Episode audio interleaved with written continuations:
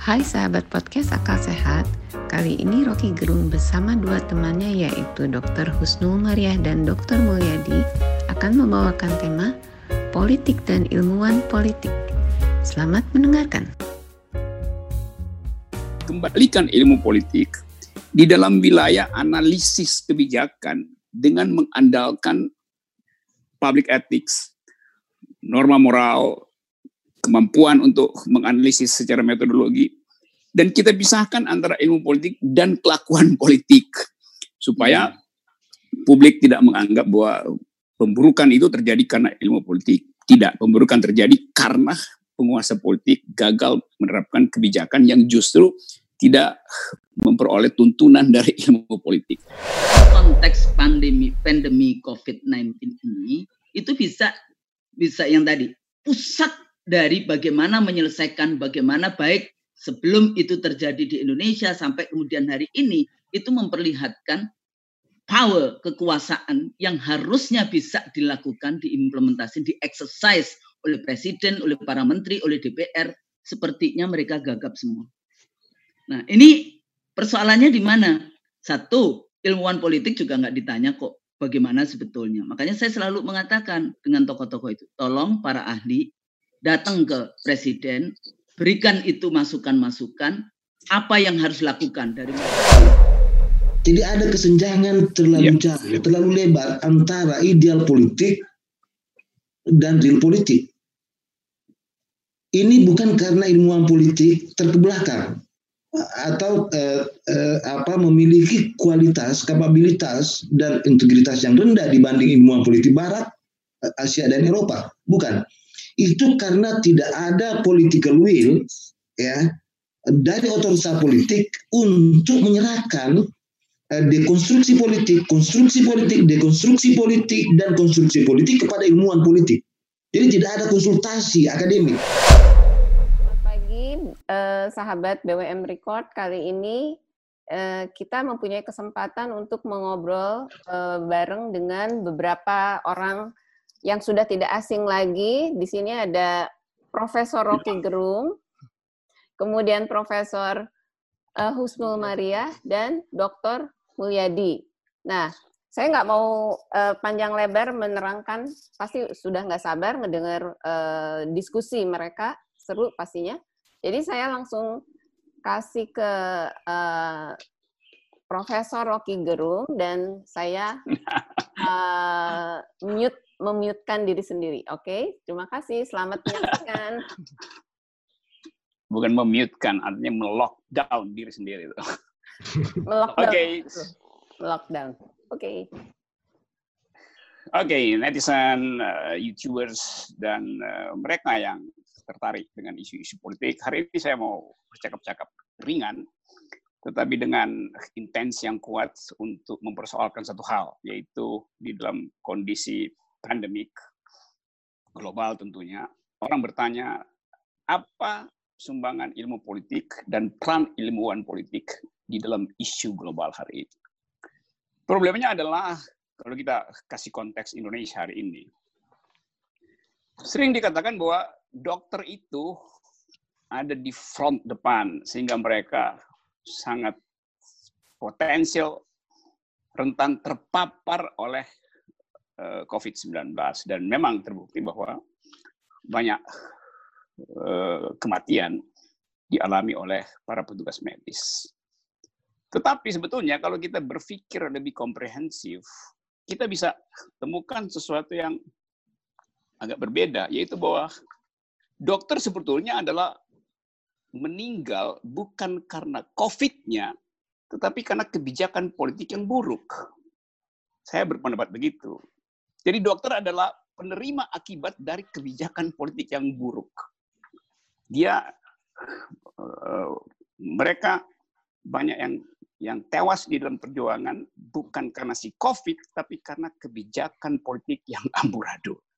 Nah dalam uh, problem itu saya punya dua sahabat, Dr. Mulyadi dan Dr. Kusnul Maria.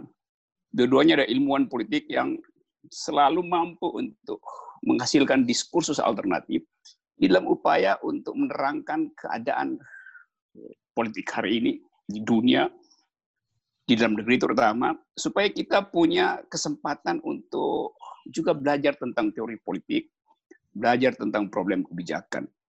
Jadi bagi mahasiswa politik, kita tahu bahwa di semester satu diajarkan politik adalah ilmu tentang beroperas, beroperasinya kekuasaan. Jadi sifat dinamik dari kekuasaan dipelajari oleh ilmu politik. Sifat statisnya dipelajari oleh ilmu negara. Jadi negara dalam keadaan diam itu dipelajari oleh ilmu tata negara. Negara di dalam aktivitas dinamis dipelajari oleh ilmu politik. Hubungan antara lembaga-lembaga politik. Filsafat politik mengevaluasi perangai kekuasaan. Jadi pembicaraan di Jakarta atau di Indonesia hari ini sering tidak menyentuh bagian yang paling penting sebetulnya, yaitu peran dari ilmu politik untuk menerangkan gejala kesehatan publik. Melekat di dalamnya tentu adalah fungsi dari ilmuwan politik untuk memberi kritik etik atau kritik kebijakan. Nah, saya membaca banyak komentar menganggap bahwa soal kita hari ini adalah soal kesehatan. Padahal sebetulnya soal kesehatan itu tidak mungkin selesai kalau kapasitas politik tidak diaktifkan untuk menghalangi penyebaran virus itu. Jadi saya mau mulai dengan satu dalil bahwa Problem kita hari ini bukan problem kesehatan ansih, tetapi problem kekuasaan, yaitu kapasitas yang tidak mampu untuk mendeteksi, apalagi mempersiapkan seluruh fasilitas demi menyelamatkan bangsa. Nah ini bukan uh, forum politik, saya katakan dari awal, ini adalah forum akademis untuk menghasilkan pembicaraan yang kritis terhadap hubungan antara ilmuwan politik, pendekatan politik ekonomi, di dalam menghadapi uh, gejala alam yang disebut pandemi COVID-19 ini. Ada tadi eh, Dr. Kusnul Maria dan Dr. Mulyadi, dua-duanya adalah pengajar ilmu politik senior di eh, Fakultas Ilmu Sosial dan Ilmu Politik FISIP UI.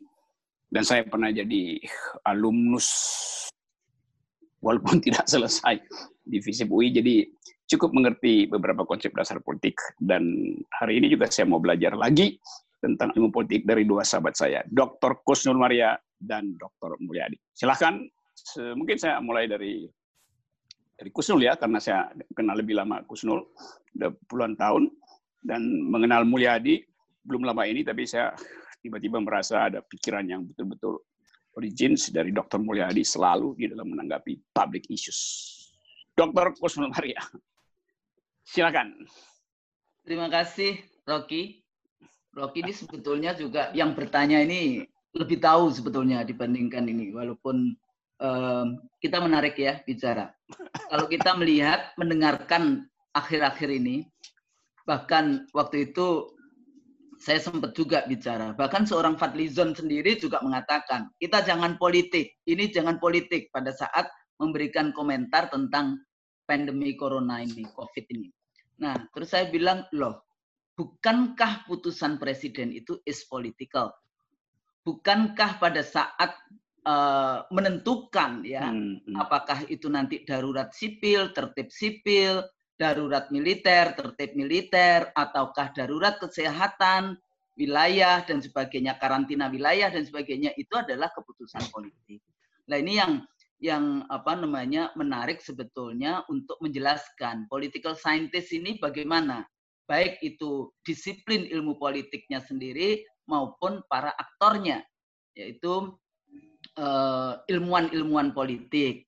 Cuma persoalannya Rocky kadang-kadang di masyarakat kita ini masih menganggap. Saya itu masih merasakan walaupun sudah 41 tahun ya kita kita seangkatan ini Mbak Bibi dengan dengan Rocky di ilmu politik UI dulu masih ilmu politik itu ilmu politik dan HI itu jadi satu. Tapi kemudian pisah kayak gitu karena ada anak seorang menteri yang nggak bisa jadi dosen jadi harus dibuatkan departemen sendiri gitu itu lucu-lucu juga ceritanya tapi kembali lagi kalau kita bicara politik tadi disebutkan kita bicara tentang kekuasaan kita bicara tentang negara state kita bicara tentang distribution of resources jadi kalau kita bicara anggaran misalnya, anggaran kesehatan di Indonesia itu berapa sih? 5,2 persen. Tahu nggak? 22 negara dari 36 negara miskin itu anggaran kesehatannya itu 11 persen. Bahkan Rwanda, Tanzania, Liberia itu 15 persen sesuai dengan WHO. Indonesia 5,2 persen katanya negara maju. Itu juga keputusan politik. Kenapa distribusi ke anggaran kesehatan itu sangat rendah. Ya, jadi sebetulnya ilmu politik ini bisa bisa ke mana-mana asal independen variabelnya itu bicara tentang kekuasaan, tentang negara, tentang kebijakan publik, tentang uh, decision making process dan distribution of resources. Itu kalau kita bicara tentang ilmu politik sendiri.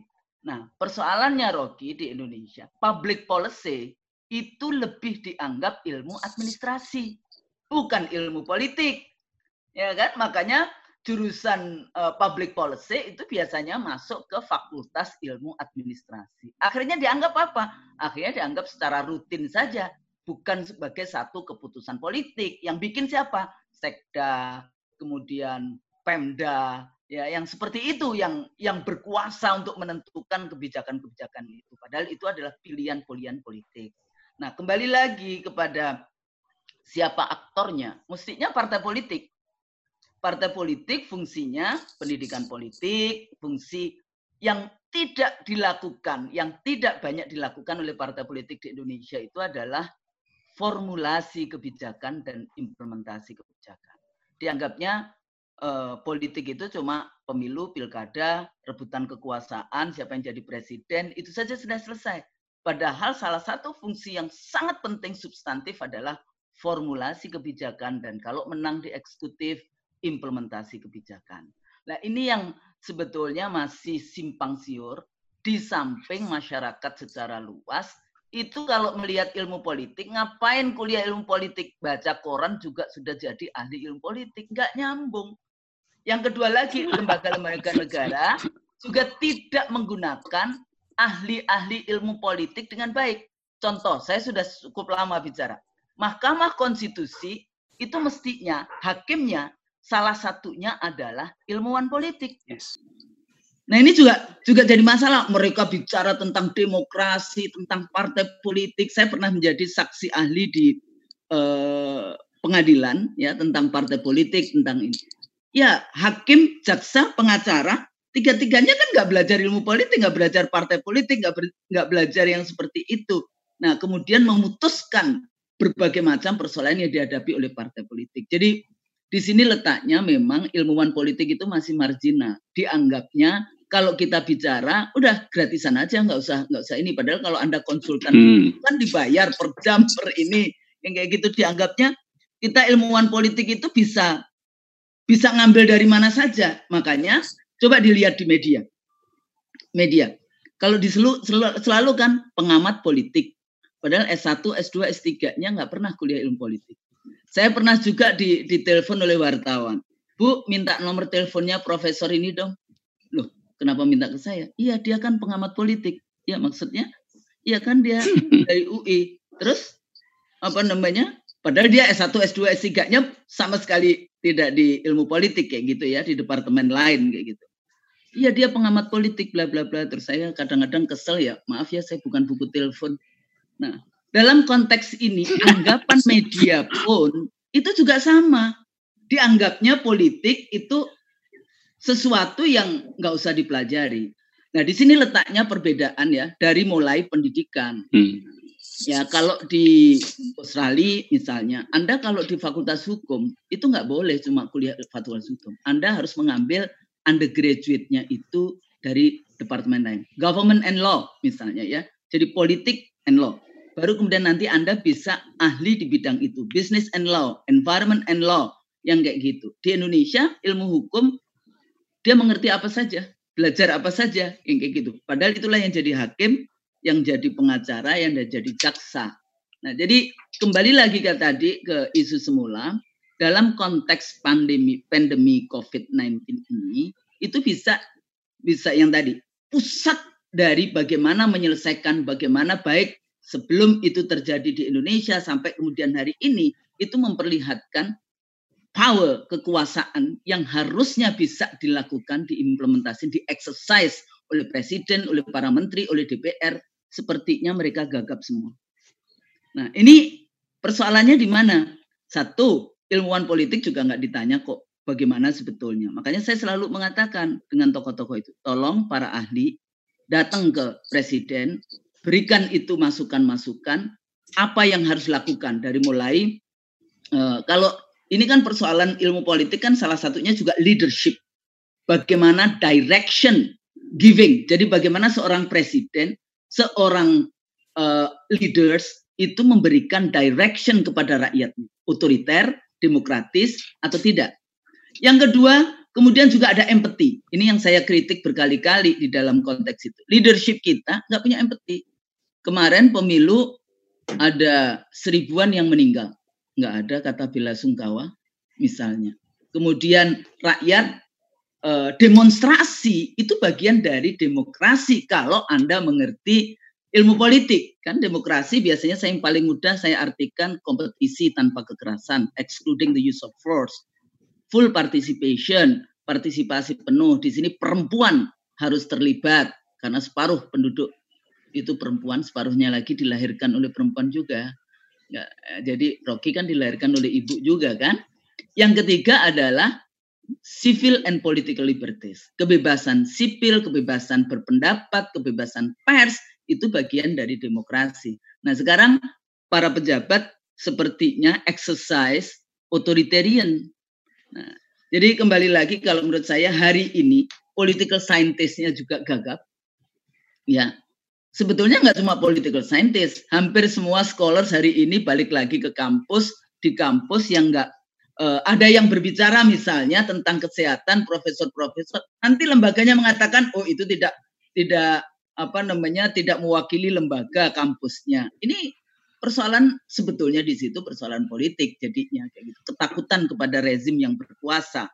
Padahal uh, kita sebagai scholars apalagi kalau saya juga aktivis yang saya sering kali sebut sebagai engaged scholars, scholars yang terlibat kayak gitu, aktivis di luar dari sejak dulu, dari mulai senat, dewan mahasiswa sampai HMI dan sebagainya. Nggak bisa diem saja. Tapi apakah saya mendapatkan penghargaan dengan baik? Enggak. Dipanggil juga oleh dekan gitu, nggak boleh ngomong. Nggak boleh ngomong partai politik dan pemilu. Padahal saya mengajar mata kuliah partai politik dan pemilu. Jadi ini ironi-ironi yang terjadi. Scholars political scientist-nya tidak mendapatkan posisi kalau Anda berbeda dengan government, berbeda dengan rezim. Ya, jadi kalau memberikan masukan-masukan, kan kita ada dekonstruksi, ada rekonstruksi lagi. Makanya 98 sebetulnya masih lumayan waktu itu kita terlibat di dalam pembuatan undang-undang, ya political scientist. 6 dari 9 anggota KPU dulu itu political scientist. Makanya agak berbeda 2004 ya diskusinya dibandingkan setelahnya. Dianggapnya menjadi anggota KPU itu nggak perlu ilmu politik juga ya. Jadi ada ketua yang S1 sarjana pertanian dianggapnya partai politik menanam jagung di kebun kita kayak gitu kan. Nah ini persoalan-persoalan kita hadapi Rocky dari political scientistnya sendiri maupun dari uh, masyarakat, negara di dalam melihat apa peran dan fungsi ilmu politik di dalam rekonstruksi kita bernegara. Dianggapnya e, membangun partai politik itu ya sudah suka-suka aja penguasa. Padahal kan ada konsepnya. Apa itu? Apa fungsi dari partai politik? Bagaimana kemudian e, meletakkan itu pada fungsinya dan kemudian kalau terjadi e, konflik ya pertentangan dibawa ke Mahkamah Konstitusi, siapa yang paling banyak berbicara selalu cuma dari Fakultas Hukum. Nah, jadi di sini letaknya sebetulnya ilmuwan okay. politik bisa kontribusi banyak sekali, tapi sayangnya ranah channel yang ada itu masih sangat terbatas, bahkan dimarginalkan.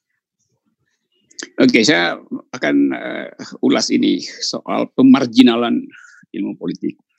Satu soal yang menyebabkan marginalisasinya adalah perilaku dari politisinya sehingga publik awam menganggap bahwa politik itu akhirnya menjadi sekedar uh, tukar tambah kepentingan sekedar jadi duel transaksi. antara ya transaksi bahkan transaksi di under table nggak kelihatan yang disebut korupsi. Jadi citra orang tentang ilmu politik memburuk bukan karena ilmunya gagal untuk menganalisis, tetapi karena perilaku dari politisi, jadi politician, bukan ilmuwan politik. Jadi ini satu soal juga yang saya kira mesti kita kembalikan bahwa fungsi dari ilmu politik adalah menguji kekuasaan menguji kemampuan distribusi kekuasaan. Di dalamnya intinya adalah leadership. Nah dulu di Italia ilmu politik itu justru atau di Eropa umumnya dianggap sebagai mungkin abad 15-16 ilmu politik dianggap sebagai the highest of all sciences. Ya. Karena memang ini ilmu yang paling berat rumit karena fungsinya mendistribusikan keadilan sehingga orang yang nggak mengerti tentang justice, dia mengerti tentang uh, antropologi, tidak mengerti tentang ekonomi, tidak mungkin paham tentang ilmu politik. Kalau ahli teknik dengan mudah bikin bangunan, ada ada rumusnya, rumus fisika dasar, rumus uh, fisika teknik, bangunan bisa jalan. Tetapi ilmu politik lebih dari itu karena dia harus memahami kebutuhan konkret tentang keadilan dan conflicting claim di dalam upaya mendistribusikannya. Jadi saya kira poin penting dari dari uh, eh, Dr. Kusnur tadi adalah bahwa kembalikan ilmu politik di dalam wilayah analisis kebijakan dengan mengandalkan public ethics, norma moral, kemampuan untuk menganalisis secara metodologi, dan kita pisahkan antara ilmu politik dan kelakuan politik supaya publik tidak menganggap bahwa pemburukan itu terjadi karena ilmu politik. Tidak, pemburukan terjadi karena penguasa politik gagal menerapkan kebijakan yang justru tidak memperoleh tuntunan dari ilmu politik. Nah, saya saya mau uh, balik nanti soal itu, tapi saya ke Dr. Mulyadi dulu. Tadi uh, Kusnul mengatakan bahwa ada soal yang penting di dalam menghadapi kasus uh, COVID-19 ini, yaitu soal leadership. Kemarin saya baca satu artikel ditulis oleh Dr. Robertus Roberts, sosiolog dari Universitas Negeri Jakarta yang juga adalah visiting scholar di Melbourne University, bahwa dia melakukan riset dan menemukan bahwa soal leadership adalah penentu sukses tidaknya penanganan uh, COVID-19 ini. Dia bikin perbandingan misalnya, kalau orang mengatakan bahwa Cina sukses karena sistemnya otoriter sehingga ada span of command, karena Partai Komunis bisa menyuruh orang untuk tinggal di rumah. Jadi kemudian ada anggapan bahwa sistem yang tidak demokratis lebih efektif memberantas uh, COVID. Tapi itu kemudian dibatalkan dengan uh, gejala lain bahwa Korea adalah demokratis dan berhasil untuk memberantas. Jadi tidak ada hubungan antara sistem politik yang otoriter dan sistem politik yang demokratis dalam memberantas korupsi. Robertus Robert uh, datang dengan tesis itu bahwa yang penting adalah leadership. Amerika sistemnya demokrasi gagal, Korea sistem demokrasi berhasil karena perbedaan leadership. Presiden Korea punya kemampuan untuk diapresiasi oleh publik. Presiden Amerika tidak ada public trust buat Donald Trump itu. Jadi banyak soal yang uh, membuat kita berpikir bahwa memang intinya adalah leadership. Nah, dalam keadaan sekarang ini kita eh, coba menilai apakah ilmu politik mengajarkan leadership sebagai satu variabel yang eh, deterministik, determinan di dalam mengatasi sesuatu yang sifatnya uh, unprecedented. Mungkin dalam keadaan stabil ya oke okay, leadership itu diatur lewat birokrasi, lewat hukum segala macam. Tapi dalam keadaan yang extraordinary hari ini, kita perlu leadership yang uh, beyond the call of duty gitu yang melampaui tugas yang di, diberikan oleh oleh eh, aturan-aturan formal. Jadi semacam lompatan kepemimpinan yang yang uh, orang tunggu.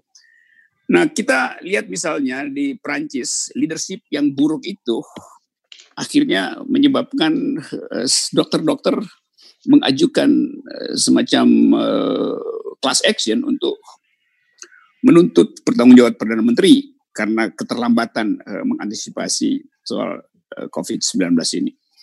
Di Brasil kita baca beberapa waktu lalu militer akhirnya mengambil alih secara silent operation kekuasaan presiden khusus dalam ya. soal penanganan darurat uh, COVID.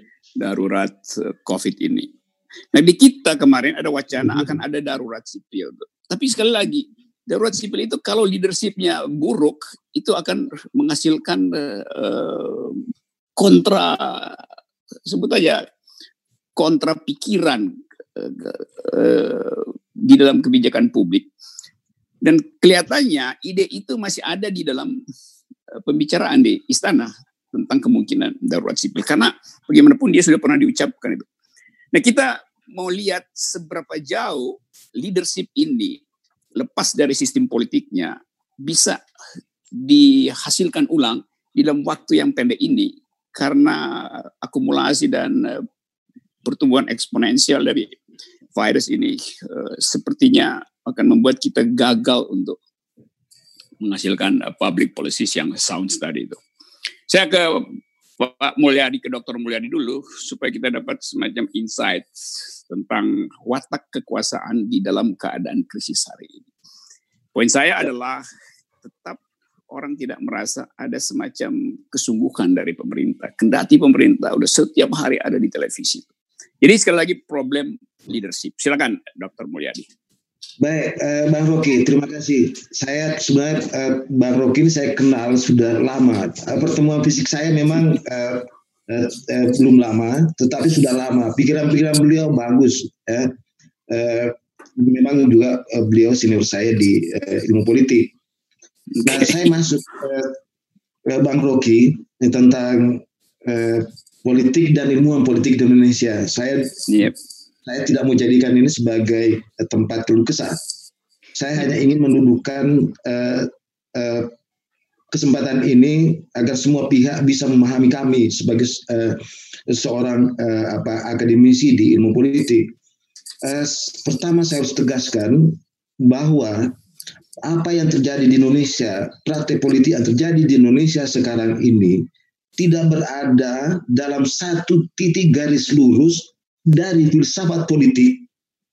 Apa yang seharusnya? Filsafat politik itu apa yang seharusnya? Ya eh, kemudian pemikiran politik dan ideologi politik. Jadi ada kesenjangan terlalu ya. jauh terlalu lebar antara ideal politik dan real politik. Ini bukan karena ilmuwan politik terkebelakang atau eh, eh, apa memiliki kualitas, kapabilitas dan integritas yang rendah dibanding ilmuwan politik Barat, eh, Asia dan Eropa. Bukan. Itu karena tidak ada political will ya dari otoritas politik untuk menyerahkan eh, dekonstruksi politik, konstruksi politik, dekonstruksi politik dan konstruksi politik kepada ilmuwan politik. Jadi tidak ada konsultasi akademik. Itu yang saya catat ilmuwan politik, peran ilmuwan politik yang diberikan hanya minimal sekali, yaitu hanya sebagai uh, pengamat politik. Uh, seba status ini sebenarnya status ini sebenarnya bagi saya uh, bang ini ancaman karena di satu sisi ingin merendahkan di satu sisi ingin menjerumuskan karena bagi ilmuwan politik ketika dia turun menjadi pengamat politik maka ancaman ada di situ.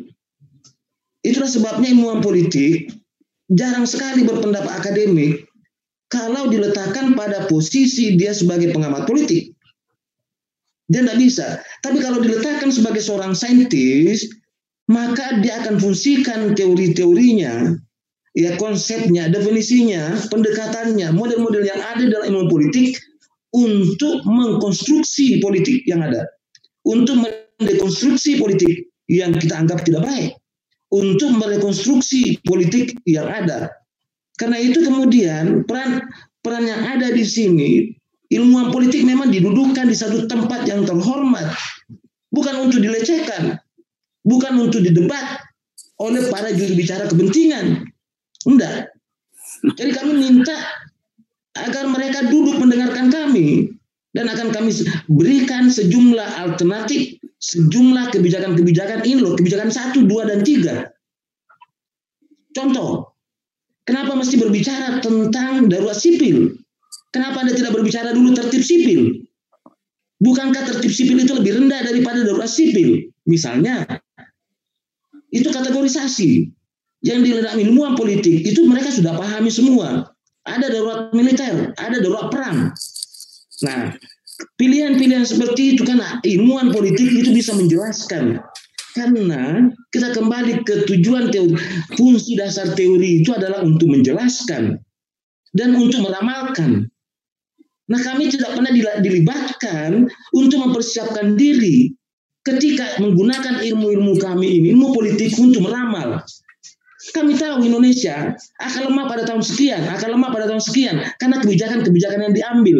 Karena itu seandainya dilibatkan kami, kami akan mencegah kebijakan-kebijakan itu diambil.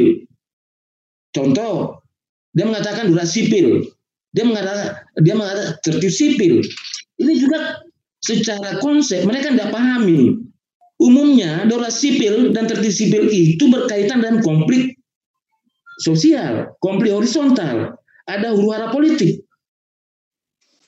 Beda kalau angkatan bersenjata, gerakan politik bersenjata, maka akan dihadapi dengan darurat militer dan mungkin dapat perang kalau itu misalnya separatisme. Tapi dalam konteks seperti ini, saya katakan tadi, saya kembali lagi, Pak Lukis, jangan sampai saya lupa, ilmuwan politik ya. itu ditempatkan hanya sebagai dalam keadaan krisis seperti ini kami dipanggil untuk menjelaskan kenapa uh, kenapa politik kita bisa salah, bisa keliru. Jadi kami hanya diminta untuk menjelaskan sebatas itu. Nah celakanya ketika kami sesuai dengan teori, dia tidak mau pahami kami posisi kami sebagai uh, political scientist. Kami dituding langsung, dituduh langsung sebagai orang yang punya kepentingan lah, yang yang yang uh, tidak puas lah dan sebagainya. Sehingga ketakutan-ketakutan itu ada-ada. Karena memang watak kekuasaan itu juga membawa coerci, kekerasan, bukan hanya uh, uh, apa namanya uh, kekuasaan itu tidak hanya berbicara tentang uh, apa uh, semacam uh, legitimasi dan uh, apa justifikasi. Nah kita berbicara tadi tentang kepemimpinan. Ada pertanyaan, adakah korelasi signifikan antara resim politik dengan uh, uh, apa namanya uh, uh, uh, apa pandemi uh, uh, COVID-19 ini? Eh, apakah uh, iya bisa kasus per kasus bisa dijelaskan bahwa negara A berhasil tapi negara lain gagal. Itu kalau resim politiknya. Uh, uh, apakah ada dalam soal caranya? Mungkin misalnya lockdown di negara lain berhasil tapi di negara lain tidak berhasil. Nah, tapi yang diuji tadi itu adalah masalah kepemimpinan, leadership. Nah, ilmu politik ini sangat mendasar karena ini berbicara tentang kekuasaan. Nah, kita masuk dalam pemilu. Fungsi dasar pemilu itu adalah menyingkirkan orang-orang jahat. Ya, saya ulangi. Fungsi dasar pemilu itu, fungsi substantif pemilu dalam ilmu politik adalah menyingkirkan orang-orang jahat untuk memerintah dan memberikan ruang kesempatan orang-orang berbakat dalam memerintah. Apa yang dimaksud dengan orang-orang berbakat dalam ilmu politik? Adalah orang yang memiliki kapasitas, kapabilitas politik dan integritas politik. Jadi dia punya kompetensi akademik, punya kompetensi sosial, dia punya moral. Karena politik itu tidak bisa dipahami dari dari sisi yang sangat rendah. Politik itu sangat tinggi. Politik itu berbicara tentang bagaimana mewujudkan kebaikan umum berdasarkan kehendak umum. Ini tidak gampang. Jadi bukan definisi-definisi yang dipahami oleh para politisi kita, aktivis kita, itu adalah definisi praktek politik yang keliru, yang diperkenalkan terus-menerus. Bahwa politik itu adalah pengorganisasian kebencian, pengorganisasian uh, perlawanan, ketidakpuasan. Itu definisi-definisi yang dipungut dari praktek politik. Dan memang harus, ilmu politik memang harus menjelaskan kenapa mereka tidak puas. Bicara tentang pemilu tadi, fungsi pemilu ada, fungsi substantifnya adalah menyingkirkan orang-orang jahat memerintah. Jangan sampai orang-orang jahat memerintah. Karena bukan demokrasi nanti yang terjadi. Yang terjadi adalah oligarki dan atau. Dan kalau itu yang terjadi, maka tidak mungkin kita mengharapkan ada keikutsertaan, ada uh, apa uh, uh, uh, apa apa namanya? Tidak mungkin uh, kita mengharapkan uh, uh, apa kepatuhan dari masyarakat, tidak mungkin uh, karena uh, ada pembangkangan. Ketika uh, pemerintah tidak memiliki legitimasi dan justifikasi untuk memerintah yang diperoleh dalam pemilu, maka dia sulit memerintah. Dia sulit menjalankan kekuasaannya. Salah satu cara mereka untuk menjalankan kekuasaannya adalah koersi. Dia melakukan paksaan dan intimidasi. Dan untuk kontes COVID ini, itu tidak bisa dijalankan dengan itu. Makanya itu memang ada, negara komunis bisa berhasil. Karena sistemnya memang yang membuat mereka terpaksa. Dan masyarakat komunis memang masyarakat setuju dengan ideologi itu. Tapi untuk konteks Indonesia, kita agak sulit.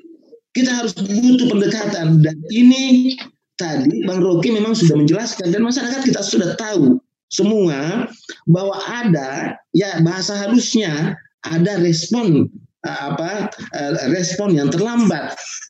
Ya saya pikir eh, di dalam ilmu politik ini kajiannya sangat dalam karena ini berbicara tentang state ini berbicara tentang penggunaan kekuasaan.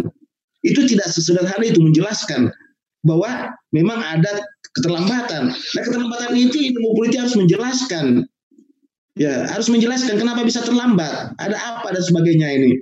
Dan tentu uh, itu semua di ruang publik seperti ini, posisi kami sebagai political scientist itu agak sedikit riskan. Karena menjelaskan politik itu agak berbeda dengan menjelaskan bangunan. Kalau bangunan itu roboh, ya Bang, jembatan itu roboh, itu sangat mudah dijelaskan. Tidak ada orang tersinggung itu. Ya, paling dia mengatakan bahwa paling paling dia bisa mengat, eh, paling or, orang mengatakan oh iya ya jembatan itu runtuh karena dia tidak mengacu kepada teori-teori yang benar. Ya tentang eh, teknik sipil tentang arsiteknya. Tapi kalau kami menjelaskan itu bang itu agak sulit. Ya karena akan menunjuk kepada orang.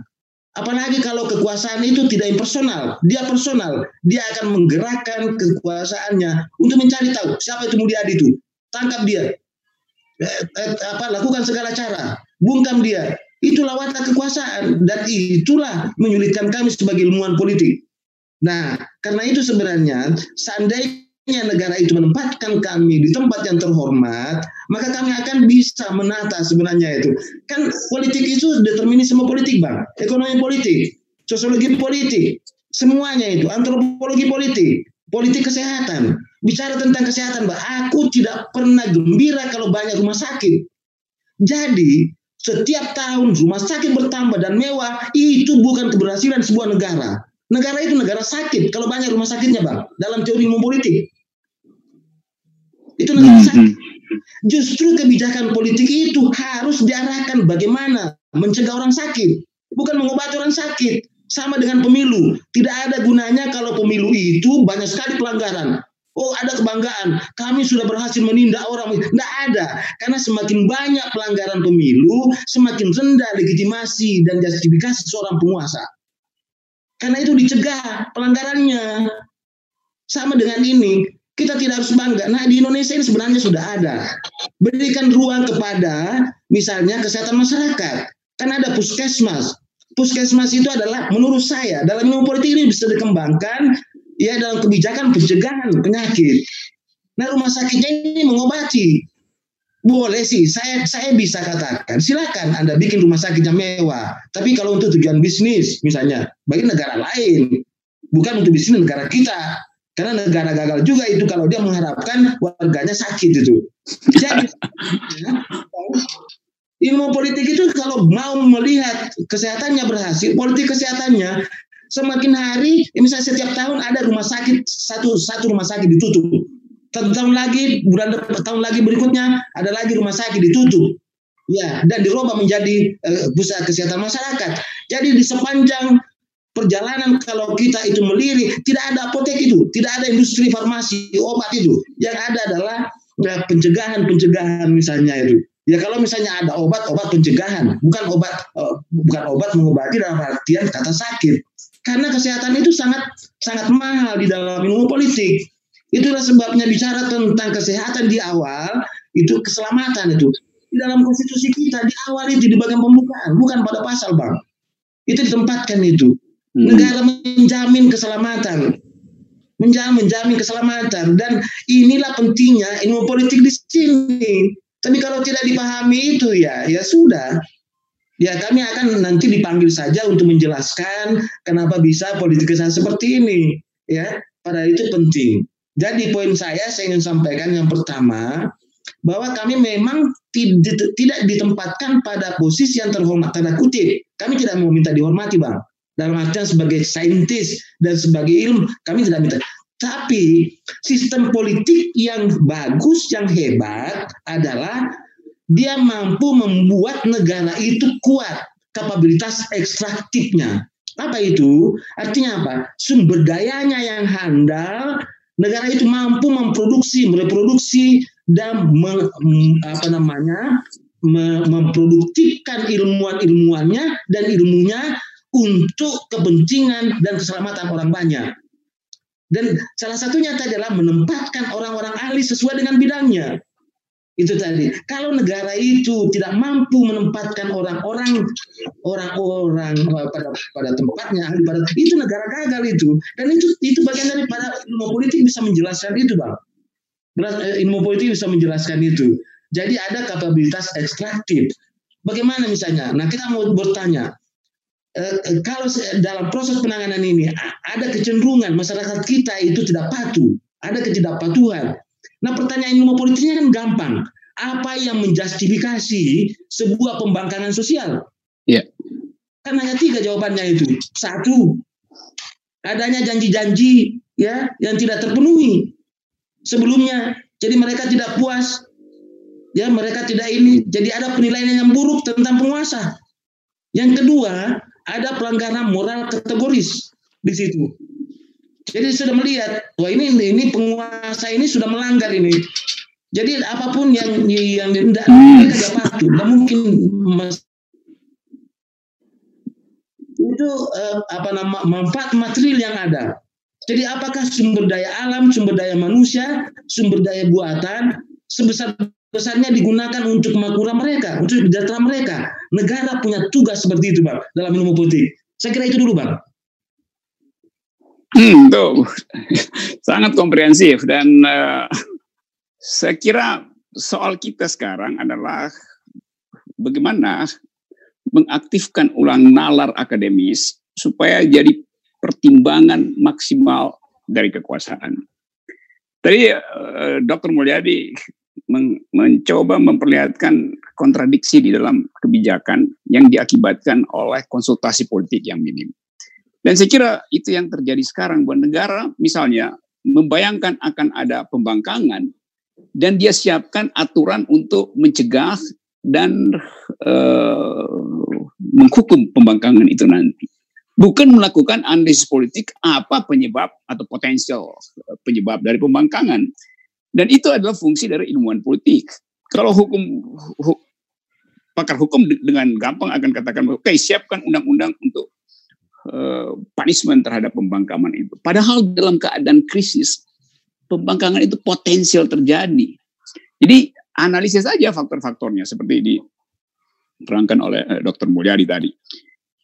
Ada satu hal yang uh, saya angkat sebagai isu uh, berikutnya adalah ilmuwan politik begitu jadi pengamat politik dia tinggalkan metodologinya itu dia mengumpankan diri untuk digulung oleh public opinion, digulung oleh headline gitu. Karena ada sensasi di situ. Karena ada keinginan untuk memperlihatkan reputasi di depan publik, eh, eh, komunikasi massa, television segala macam itu.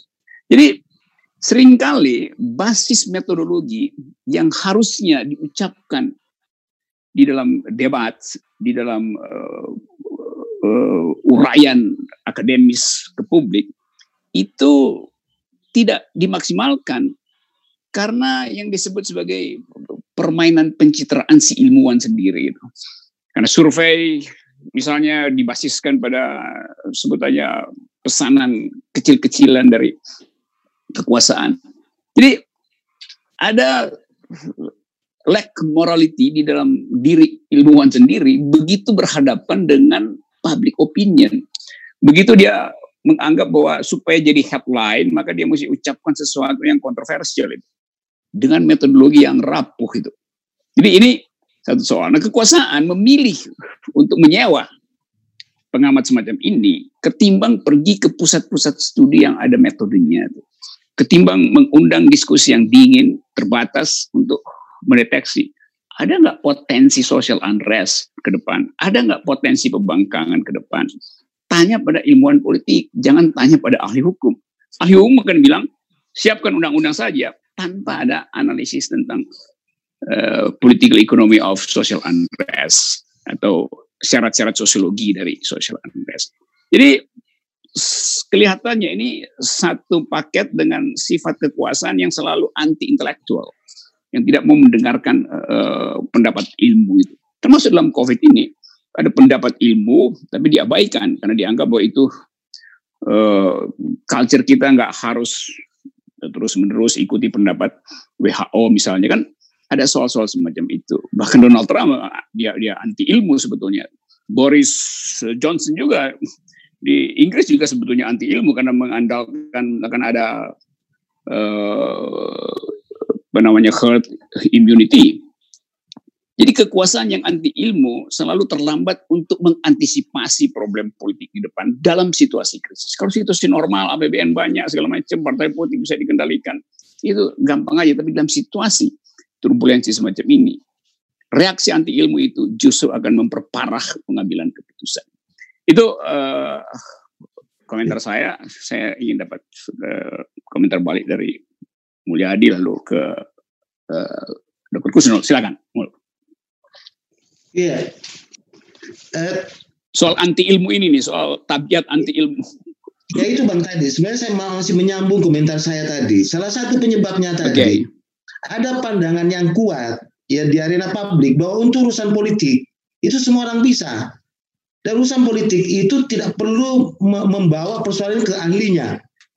Dan ini di, di, dibuat sedemikian rupa, ya, dibuat sedemikian rupa uh, untuk ya saya tidak mengatakan itu mendiskreditkan, tapi ini dikembangkan bahwa urusan politik itu uh, uh, apa urusan politik itu tidak mesti uh, harus di di apa disampaikan oleh ahlinya itu. Dan ini yang jadi problem. Contoh, saya beberapa kali beberapa kali pertemuan saya pernah luruskan bahwa Anda jangan lagi gunakan istilah hukum itu adalah panglima, tanda kutip.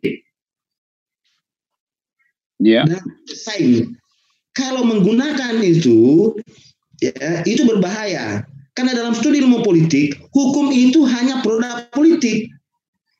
Anda bisa bayangkan. Ya. Jadi politik panglimanya jadi, jadi kalau dia itu panglima ya mungkin pak uh, panglima kodamnya lah tapi pang apa, apa namanya eh, eh, apa kasatnya atau panglima tertingginya itu politik itu. Ya karena itu kalau eh, politiknya bagus maka hukumnya juga bagus.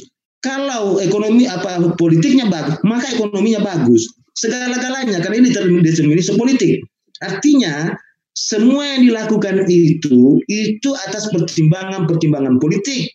Dan politik itu tidak bisa dipahami dalam konteks praktek politik yang seperti tadi saya katakan bahwa yang dimaksud dengan politik adalah kemunafikan awal apa eh, bohong awalnya munafik tengahnya baru tiga-tiga akhirnya. Bukan itu. Eh, politik adalah bagaimana merebut kekuasaan mempertahankan kekuasaan. Bukan itu. Politik itu moral. Politik itu nilai. Politik itu juga menyangkut masalah instrumen karena itu, itu harus nyambung mulai dari atas, filsafat politik, turun baru jadi pemikiran politik, baru kemudian menjadi logi itu politik, kemudian menjadi praktek politik. Nah kalau ini tidak berada dalam satu garis lurus, ya itu pasti akan bermunculan masalah-masalah. Nah di sini letaknya kehebatan Bang Rocky sendiri, karena pernah di politik, pemikiran politik, awalnya di, di ilmu politik, kemudian berada di filsafat politik. Karena itu menjadi selalu menjadi enak enak di, dijelaskan kalau bicara tentang nalar politik, bicara tentang akal sehat. Karena di ilmu politik itu kan tugasnya ilmuwan saintis itu bagaimana memproduksi teks, wacana dan argumen. Argumen-argumen yang baik ini juga yang perlu diuji. Ya. Dan karena itu kemudian ya dengarkanlah kami, jangan kami di, di, di apa di, di apa namanya di eh, dibantah eh, di, dengan cara kepentingan. Itu yang itu yang kami maksud. Jadi berikanlah kami uh, berikanlah kami ruang untuk menjelaskan. Karena kan salah satu fungsi teori itu untuk menjelaskan, menjelaskan mengapa bisa terjadi itu. Nah celakanya kan, yang tadi Bang Rocky bilang, ini sebenarnya ada teori saya yang ingin saya perkenalkan, tapi tidak apa-apa. Oke. Okay. Ya, sekelompok orang, ya, sekelompok orang yang punya nafsu ingin berkuasa, karena menganggap kekuasaan itu ini power power over bukan power to do ya konsepnya dia menganggap bahwa kekuasaan itu dipatuhi, dihormati, dilayani, disembah, hmm. disujudi, ditakuti. Ya, inilah yang dianut. Sekelompok kecil ada orang yang bernafsu seperti ini. Ya kemudian tapi dia tidak punya kemampuan, tidak punya kapasitas, tidak punya kapabilitas, tidak punya integritas. Tapi ada keinginan, sampai-sampai dia nekat. Inilah saya sebut dengan oligarki politik. Ya, dalam bahasa saya itu badut politik. Siapa yang mengendalikan ini? Sekelompok orang jumlahnya sangat kecil, tapi punya hasrat untuk menguasai seluruh sumber daya politik yang ada. Sumber daya politik itu ada tiga, Bang. Sumber daya alam, sumber daya manusia, dan sumber daya buatan. Tiga sumber daya buat tiga sumber daya politik ini bang ada di kampus. Ada di kampus. Ya sumber daya alam juga ditemukan oleh sumber daya manusia. Sumber daya buatan juga dibuat oleh sumber daya manusia. Dan sumber daya manusia yang hebat ada di kampus. Karena itu bang oligarki politik apa oligarki ekonomi yang saya sebut bandar politik dia juga akan mengincar kampus bang dia akan mengincar kampus. Kenapa kampus mau dikuasai? Karena kampus itu tempatnya tadi untuk mendapatkan justifikasi penggunaan tinggal sumber daya itu. Di situ ada lisensi, di situ ada uh, hak cipta, di situ ada apa lagi? Hak cipta, lisensi dan uh, uh, apa ini? Uh, uh, uh, apa? Ada tiga itu, Pak itu. Jadi apa ya? kampus berarti menguasai lisensi menguasai cipta, menguasai eh, eh, apa saat tadi itu itu di, di apa namanya eh, hak untuk mengedarkan itu, hak untuk memiliki, hak untuk menyimpan yeah. itu. Ya, jadi eh, karena itu kemudian besok saya ramalkan bang, kampus-kampus itu dikendalikan oleh kelompok kecil ini, namanya oligarki ekonomi. Ban, di dalam pemilu dialah yang menguasai, dia yang menggerakkan tadi oligarki politik ini, dia yang membiayai, yang saya sebut sebagai bandar politik.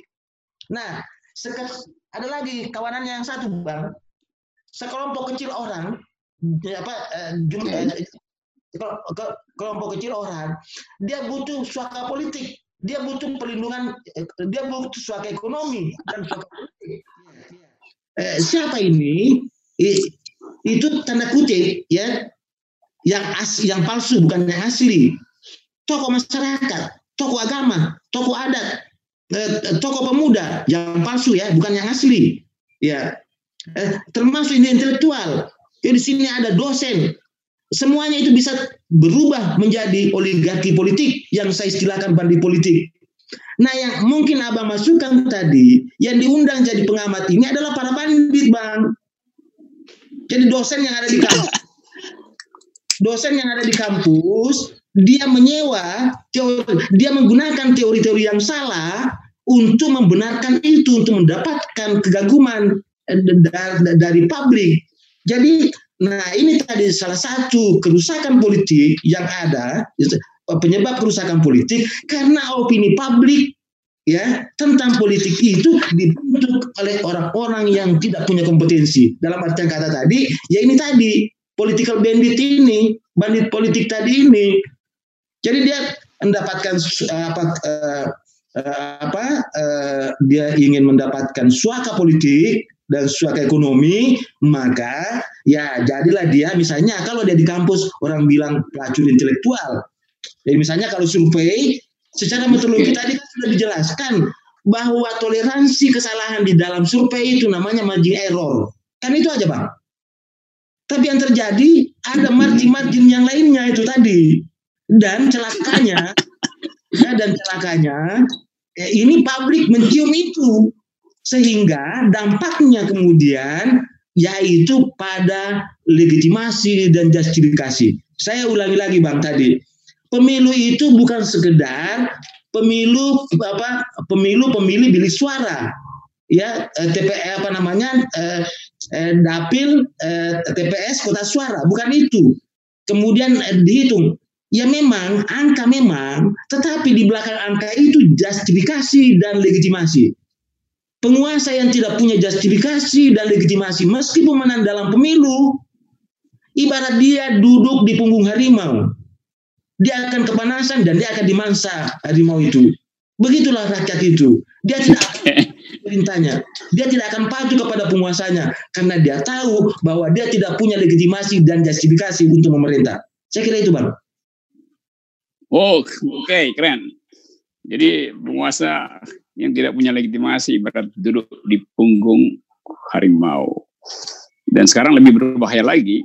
Kalau punggung harimau masih mending dia masih bisa lihat kapan si harimau itu ke kehabisan napas karena harimau yeah. adalah sprinter tapi dia nggak bisa uh, uh, lama lama maraton.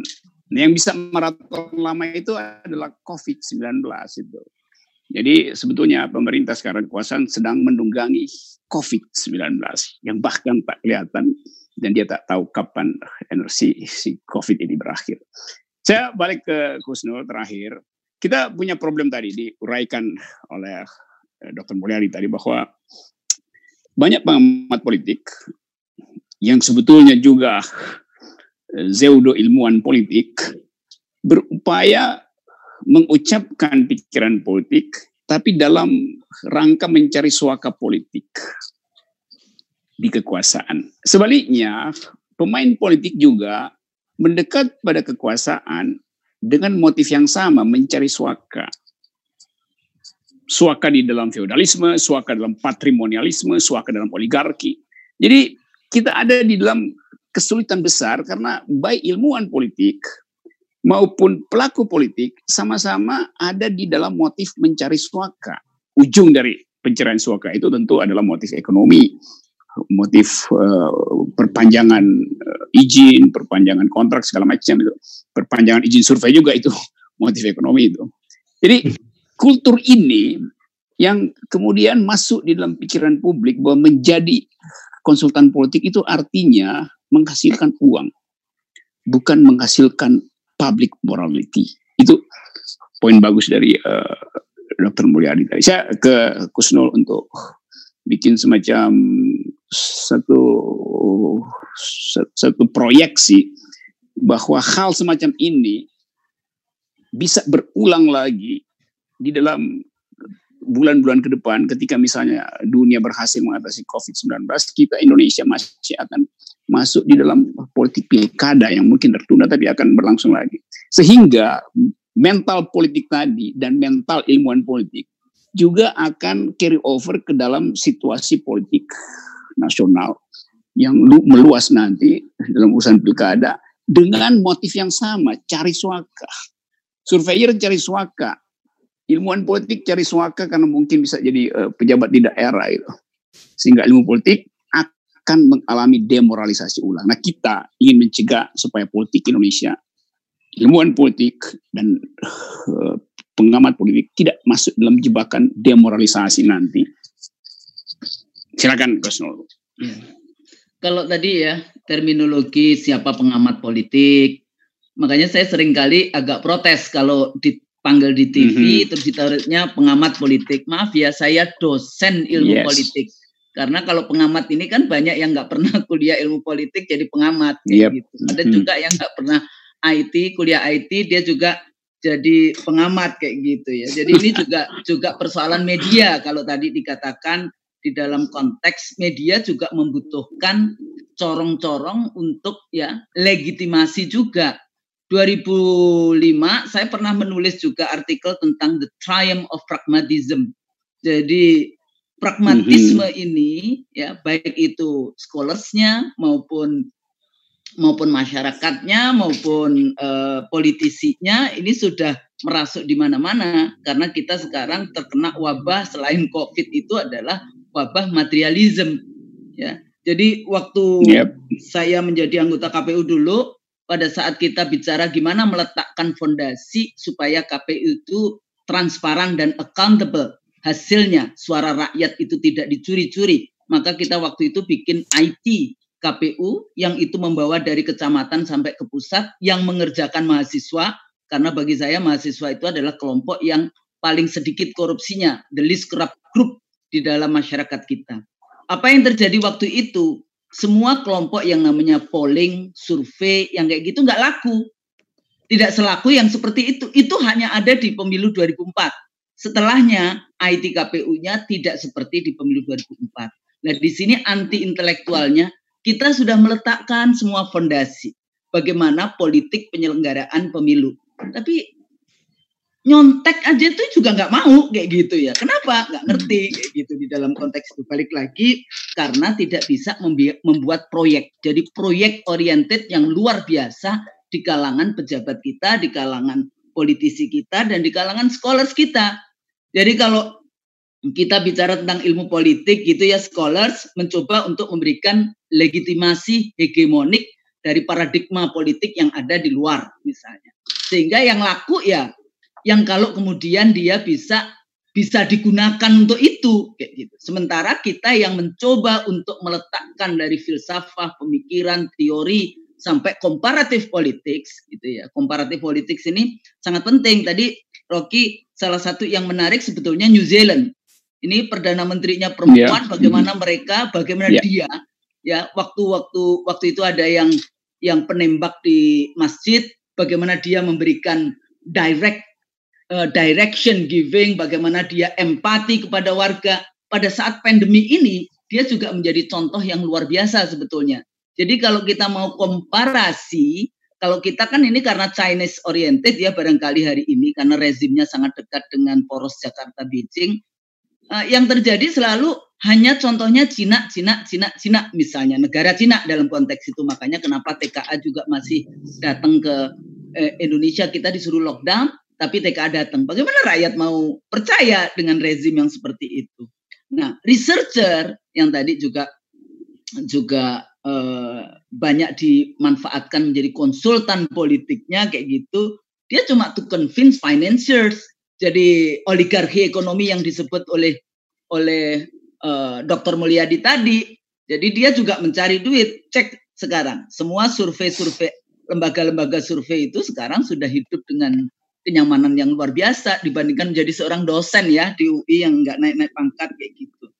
Nah, kembali lagi di dalam ilmu pengetahuan politik, metodologi menjadi sangat penting. Karena metodologi inilah yang kemudian menjadi argumen bahwa itu ilmiah atau tidak. Kalau kita dalam ilmu politik kan pengaruh dari dari uh, perkembangan ilmu politik Amerika tidak bisa di tidak bisa dihindari di dalam konteks itu. Ini tahun 50-an setelah Perang Dunia Kedua dengan Chicago School-nya bicara tentang kuantifikasi dari ilmu politik. Makanya Robert Dahl dengan demokrasi, uh, poliarki itu sebetulnya studi di uh, kota, who govern New Havens misalnya di kota dia. Tapi kemudian menunjukkan bahwa kekuasaan itu tersebar. Kekuasaan itu tidak elitis, kekuasaan itu bisa dimiliki oleh banyak kelompok. Makanya menarik sebetulnya, tapi itu studi perkotaan. Beda dengan studi yang nasional, kekuasaan berada di tangan militer, di tangan pebisnis, dan di elit birokrat atau elit politisinya. Nah, metodologi ini menjadi sangat penting di dalam konteks itu.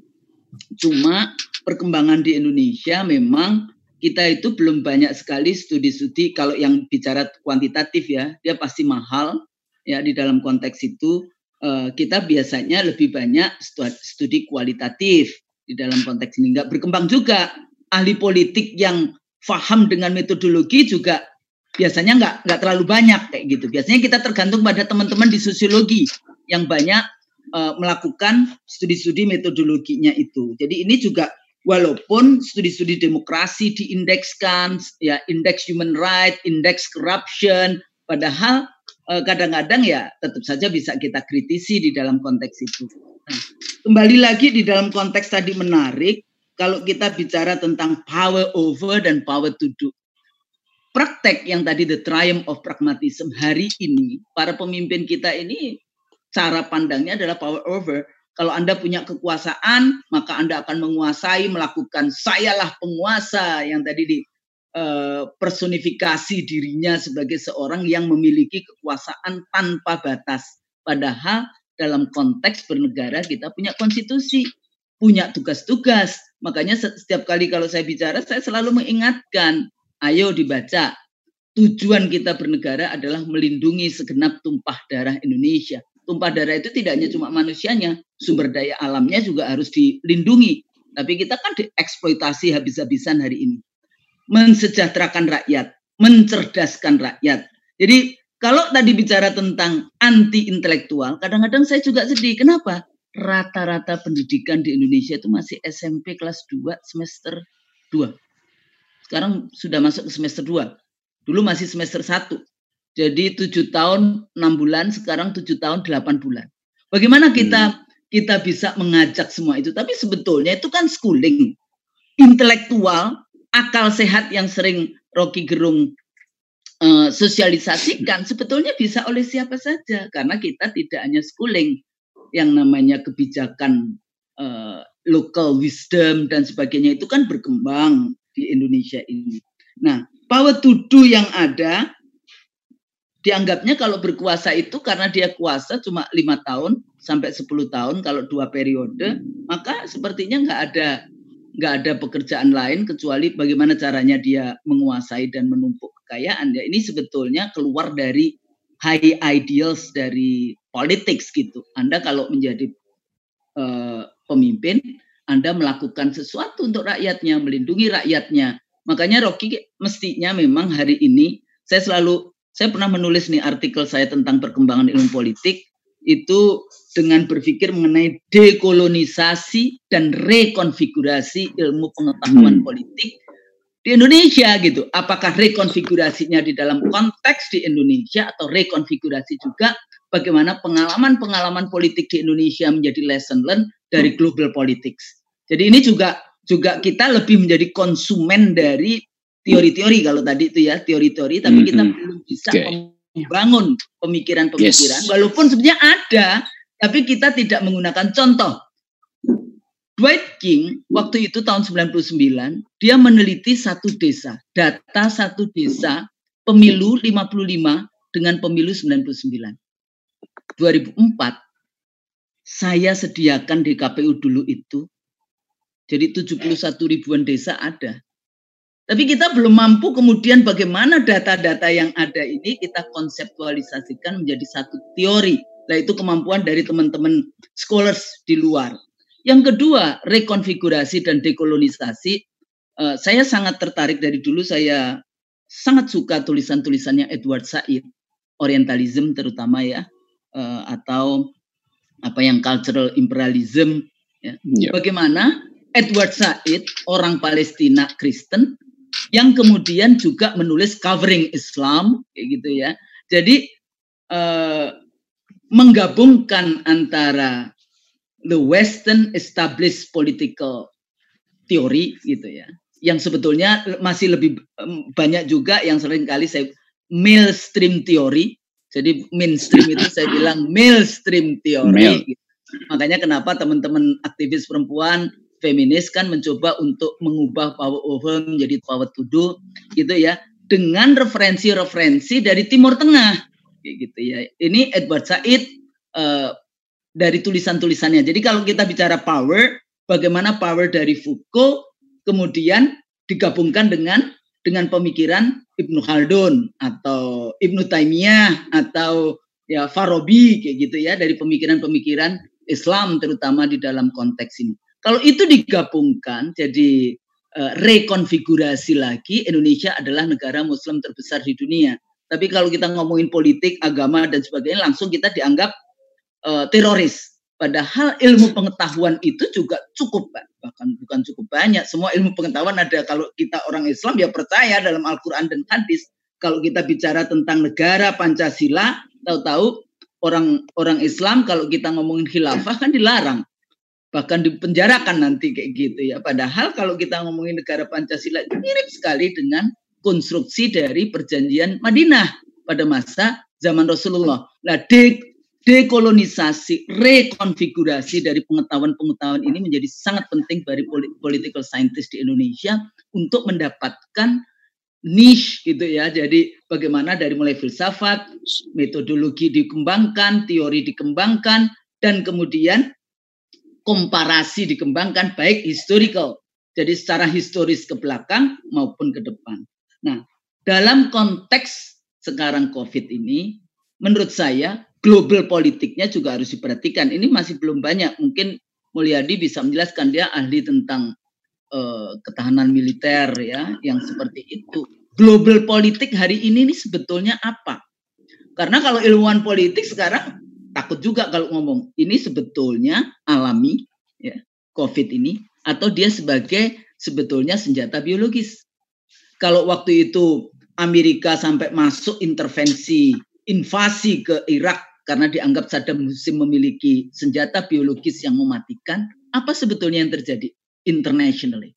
Jadi kalau kita dikembalikan lagi ngomongin uh, pilkada, kemudian pada level yang sangat detail account lokal yang kadang-kadang cuma cuma isu ijon ya politik ijon. Saya bilang bandar tadi itu politik ijon di Indonesia dan sebagainya. Menurut saya uh, kalau kita di Jakarta makanya saya dulu mengatakan teman-teman uh, universitas carilah yang namanya uniqueness. Political scientist di masing-masing perguruan tinggi. Misalnya waktu itu kita mau bikin di BIAK ya, ilmu politik tapi konsentrasinya ke maritim. Jadi ke ilmu-ilmu yang berhubungan dengan kelautan kayak gitu. Saya waktu ke India juga conference dia bilang India saja, bahkan Cina saja kayak gitu ya yang negaranya bukan kepulauan. Dia sangat mengembangkan India mengembangkan tentang politik kemaritiman dalam konteks itu kita yang negaranya kepulauan tidak mengembangkan itu. Saya bilang Unhas, ayo Anda kembangkan itu yang namanya keilmuan ke sana. UI mau nggak mau karena di Indonesia ibu kota urban global maka kita harusnya kuat dalam konteks pengembangan ilmu politik di isu-isu global dan isu-isu perkotaan. UGM sebetulnya sudah mengambil posisi ilmu politik yang berhubungan dengan pedesaan ya jadi rural dan sebagainya politik pada level lokal politik. Nah, kalau ini dikembangkan baik dari Syah Kuala sampai Uncen, sebetulnya akan sangat kaya. Makanya dekolonisasi, rekonfigurasi ilmu pengetahuan politik ini menjadi prioritas kalau menurut saya. Supaya apa? Supaya ini yang menarik juga. Anda mau bicara politik demokrasi di Maluku Utara, tidak ada satu kampus pun di sana yang mengajarkan hmm. ilmu politik. Hmm. Jadi ini juga juga dis, dalam konteks disiplin dalam konteks ini. Jadi discourse wacana. Kita ngomongin demokrasi ini apa sih? Jangan-jangan nggak pada nggak ngerti gitu kan? Kan uh, kita ngomong, oh kami negara demokrasi. Tahu, tahu di statement berikutnya lagi, kalau anda bertentangan dengan apa yang disampaikan oleh negara, oleh presiden, oleh menteri, maka saya akan kejar dan saya laporkan ke polisi. Jadi pejabat itu nggak boleh ngelapor-ngelaporin rakyat gitu. Ya, jadi yang seperti itu saja paham nggak anda dibayar itu satu paket. Anda tinggal di istana gratis, naik pesawat gratis, makan dengan dengan presiden Amerika, dengan raja, dengan ini gratis, keluarga Anda gratis, satu paket dengan Anda dikritik. Nah, ini persoalan kita, orang-orang yang kritis itu tidak mendapatkan tempat di dalam diskurs yang ada di Indonesia. Kita ini kebanyakan apa ya manusia Indonesia ya anti intelektual, tapi ini sebetulnya tidak hanya fenomena di Indonesia fenomena di seluruh dunia kalau kita ngomongin anti intellectual society dalam konteks itu. Tapi mari kita kembangkan. Makanya saya senang sekali Rocky ke mana-mana kita bicara tentang akal sehat dan dengan tema sepertinya kecil tapi itu langsung uh, apa namanya masuk dan mengubah mindset itu menjadi sangat penting di dalam perkembangan ilmu politik di Indonesia. Saya pikir itu Rocky. Oke. Okay. Oke, okay, terima kasih Kusnul, Dr. Mulyadi. Saya uh, surprise karena di dalam kondisi kita ada masuk di dalam kecemasan umum, kita masih bisa mengucapkan soal-soal yang normatif. Itu keinginan untuk memfungsikan politik sebagai cara untuk menguji kebijakan. Nah, poin ini diajukan oleh uh, Dr. Mulyadi tadi. Jadi saya simpulkan saja bahwa politik, ilmu politik memerlukan metode yang standar di dalam upaya untuk merumuskan problem secara lebih komprehensif. Karena itu studi-studi kuantitatif uh, sedang dikembangkan metodologinya itu. Tetapi di samping yang kuantitatif itu tetap imperatif dari ilmu politik adalah justice. Jadi ada perintah etis di dalam ilmu politik dan ilmuwan politik terikat dengan perintah etis itu.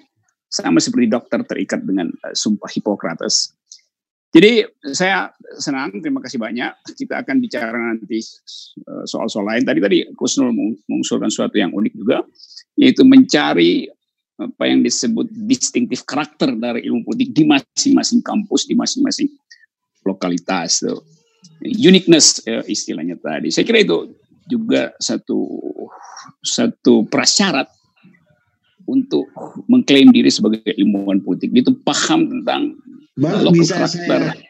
uniqueness dan karena itu perkembangan ilmu politik di, di Indonesia bisa ditempuh dengan dua cara yaitu memperluas studi kuantitatif untuk melihat problem dan mempertajam analisis etik agar supaya hubungan antara tanggung jawab ilmuwan dan perkembangan ilmu mengarah pada upaya menghasilkan keadilan. Oke, okay, uh, eh, mungkin satu dua menit. Bang, bisa saya, saya tambahkan sedikit, Bang? Mulyadi dan Yes, oke, okay, ya silakan. Ya, terus ya, lanjut. Bang, uh, mumpung saya ini sedikit apa saya agak blend tadi. Ini ada tiga poin yang saya ingin tegaskan di sini. Kekuasaan itu sendiri, kemudian intelektual, yang kemudian eh, tadi publik ini. Yang pertama tentang kekuasaan itu, Bang. Saya ingin tegaskan kembali bahwa ya. ketika kekuasaan itu tanpa justifikasi dan legitimasi, maka dia akan dijalankan dengan penuh koersi. Itu tidak mungkin persuasi. Itu secara teoritis. Yes. Jadi kalau ada kekuasaan tanpa legitimasi dan justifikasi, maka dia dijalankan dengan coerci.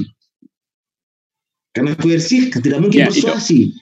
Karena itu ada bayangan yang ketakutan masyarakat itu ada uh, apa uh, uh, darurat sipil, tertib sipil dan sebagainya. Itu karena tadi dia menganggap di situ ada coerci, ada kekerasan di situ.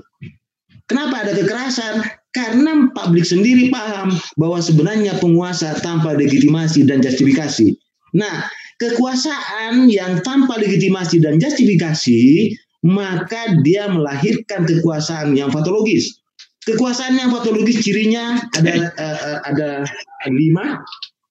Yang pertama itu menindas, yang kedua anti kritik, yang ketiga uh, status quo, yang keempat eh, apa anti perubahan dan yang kelima korup itu oke okay. nah tentang tentang apa namanya oligarki ekonomi ini juga memang bandar politik inilah yang mengancam uh, para ilmuwan karena dia akan masuk di kampus untuk membeli mereka. Kenapa mereka mau dibeli? Karena mereka punya uh, kemampuan akademik yang bisa digunakan sebagai lisensi, hak cipta, dan paten. Tiga-tiganya ini, Pak. Paten, okay. lisensi, dan hak cipta yang mereka ingin miliki sehingga ilmuwan itu dibeli. Gitu.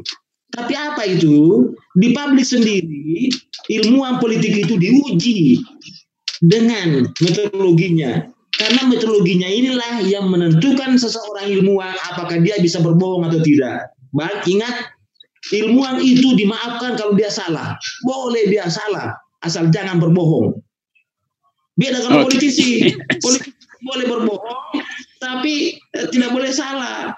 Nah yang jadi problem betul ini kalau ilmuwan yang jadi politisi karena dia tidak boleh salah dan juga tidak boleh berbohong. Tapi bagi ilmuwan itu sadar tadi yang abang bilang bahwa ada uh, etiknya di situ, ada unsur etiknya. Karena itu yang selalu saya tekankan kepada mahasiswa saya itu mahasiswa yang mau politik ingat kamu punya dosa ya. Kamu punya dosa dua kali kalau kamu melakukan kesalahan. Karena kamu mengetahui punya punya ilmu kemudian tindakannya lagi salah di lapangan. Itu selalu saya ingatkan. Kalau alumni alumni okay. lain yang isi salah itu dosanya eh, eh, dosa dosa tidak terlalu kan itu tidak dia apa mudah diampuni Tuhan tapi kalau kamu melakukan kesalahan ilmuwan politik ah, itu, itu itu luar biasa itu Tuhan tidak akan mengampuni dosamu itu Ya. Oke, Iya. Oke, saya kira ini okay. uh, eh, diskusi awal yang menarik dan uh, kita akan bertemu lagi dan saya simpulkan bahwa mereka yang belajar ilmu politik harus ingat bahwa di dalam basis terakhir dari ilmu itu ada perintah etis yaitu hasilkan keadilan. Nah, iya. perintah itu juga berlaku pada kekuasaan. Kalau kekuasaan tidak menghasilkan keadilan, maka dia akan menghasilkan kekerasan.